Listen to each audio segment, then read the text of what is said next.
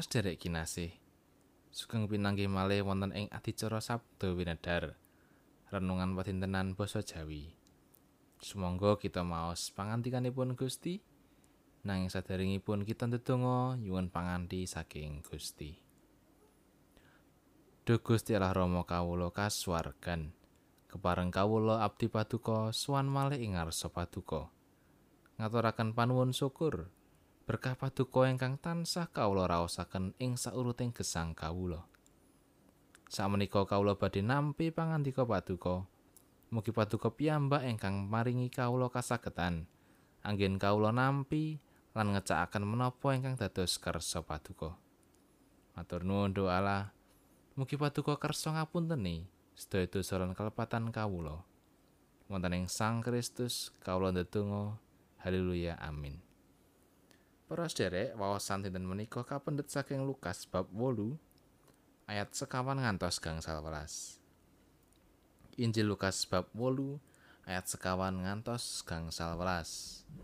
Pasemon juru nyebar. Nalika wong akeh padha gumruduk teka, yaiku wong-wong kang saka ing kutha ngendi-endi, Gusti Yesus banjur ngandika kanthi pasemon. Ana juru nyebar metu nyebar wijine. Saperangan tumiba ing pinggir dalan. Banjur kapidak-pidak ing wong lan manuk-manuk ing awang-awang padha nucuki nganti entek. Ana kang tumiba ing padasan. Lan bareng wis tukul banjur garing amarga ora oleh banyu. Ana maneh kang tumiba ing satengahe tetukulan eri. Banjur tukul bebarengan temaan wijine mati kelindih lan ana uga kang tumiba ing lemah becik iku tukul sarta metu wae tikel 100 sawise ngendika mangkono Gusti Yesus banjur nguwuh mangkene sapa kang duwe kuping kanggo ngrungokake ngrungokno? Para sakabate padha matur pitakon apa tegese pasemon mau? Gusti Yesus tumuli mangsuli pangandikane kowe kang padha diparengake nyumurupi kekerane kratone Allah nanging wong liyane padha kaparingan kang adapur pasemon. Supaya sanadyan padha ndeleng ora weruh lan sanadyan padha krungu ora ngerti. Dene pasemon mau tegese mangkene. Wiji iku pangandikaning Allah. Kang tumiba ing pinggir dalan iku wong kang wis padha krungu banjur diparani iblis. Pangandika mau tumuli diilangi saka ing sajroning atine supaya aja padha percaya lan kapitulungan rahayu kang tumiba ing padasan iku wong kang bareng krungu pangandika mau banjur ditampani kelawan bunga nanging iku ora ana oyote. Anggone percaya mung sedhela lan bareng kena cobaning pangurip banjur padha murtad. Kang tumiba ing tetukulan eri iku wong kang padha ngrungokake pangandika. Nanging sajrone tukul iku tumuli kelindih ing rasa sumelang kasugian lan kanikmating ngaurip satemah ora bisa metokake woh kang mateng. Ana dene kang tumiba ing lemah becik iku wong kang sawise padha ngrungokake pangandika tumuli disimpen ing sajroning atine kang becik sarta mantep lan metokake woh. Mangkatan pangantikanipun Gusti ayat nas inggih menika ayat sekawan. Nalika wong akeh padha gumruduk teka, yaiku wong-wong kang saka ing kutha endi-endi, Gusti Yesus banjur ngendika kanthi pasemon. Para sederek renungan kaparingan ira-iran nampeni lan ngedalaken woh. Wonten setunggaling tetembungan ingkang asring kita pireng ing bahasa Indonesia, ada gula, ada semut.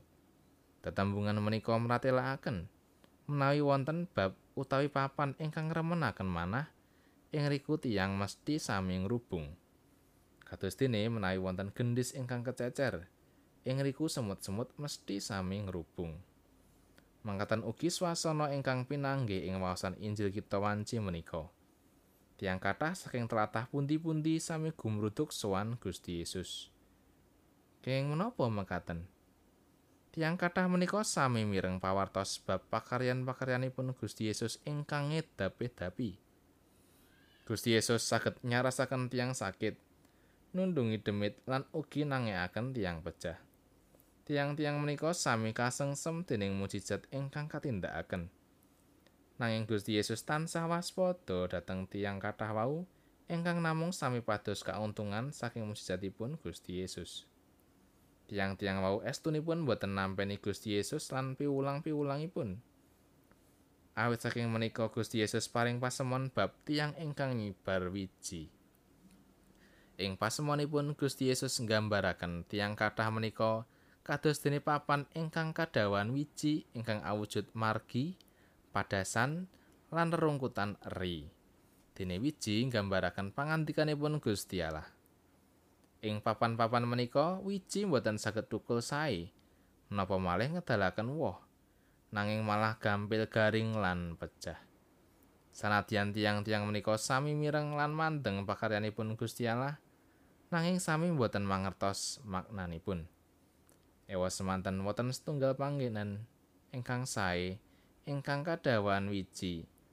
Inggih menika pasiten ingkang subur, ingkang gambaraken tiyang ingkang purun nampi pangandikanipun Gusti Allah lan saged ngedalaken woh srana gesangipun.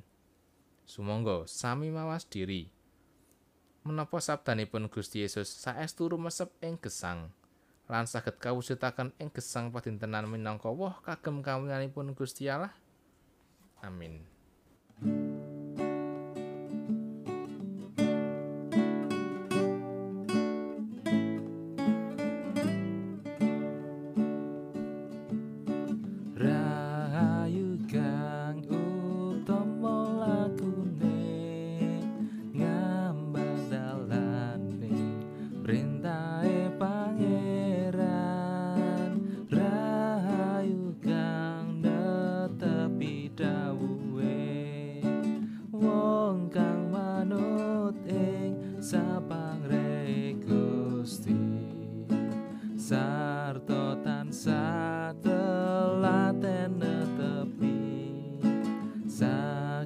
Sane klawane klasing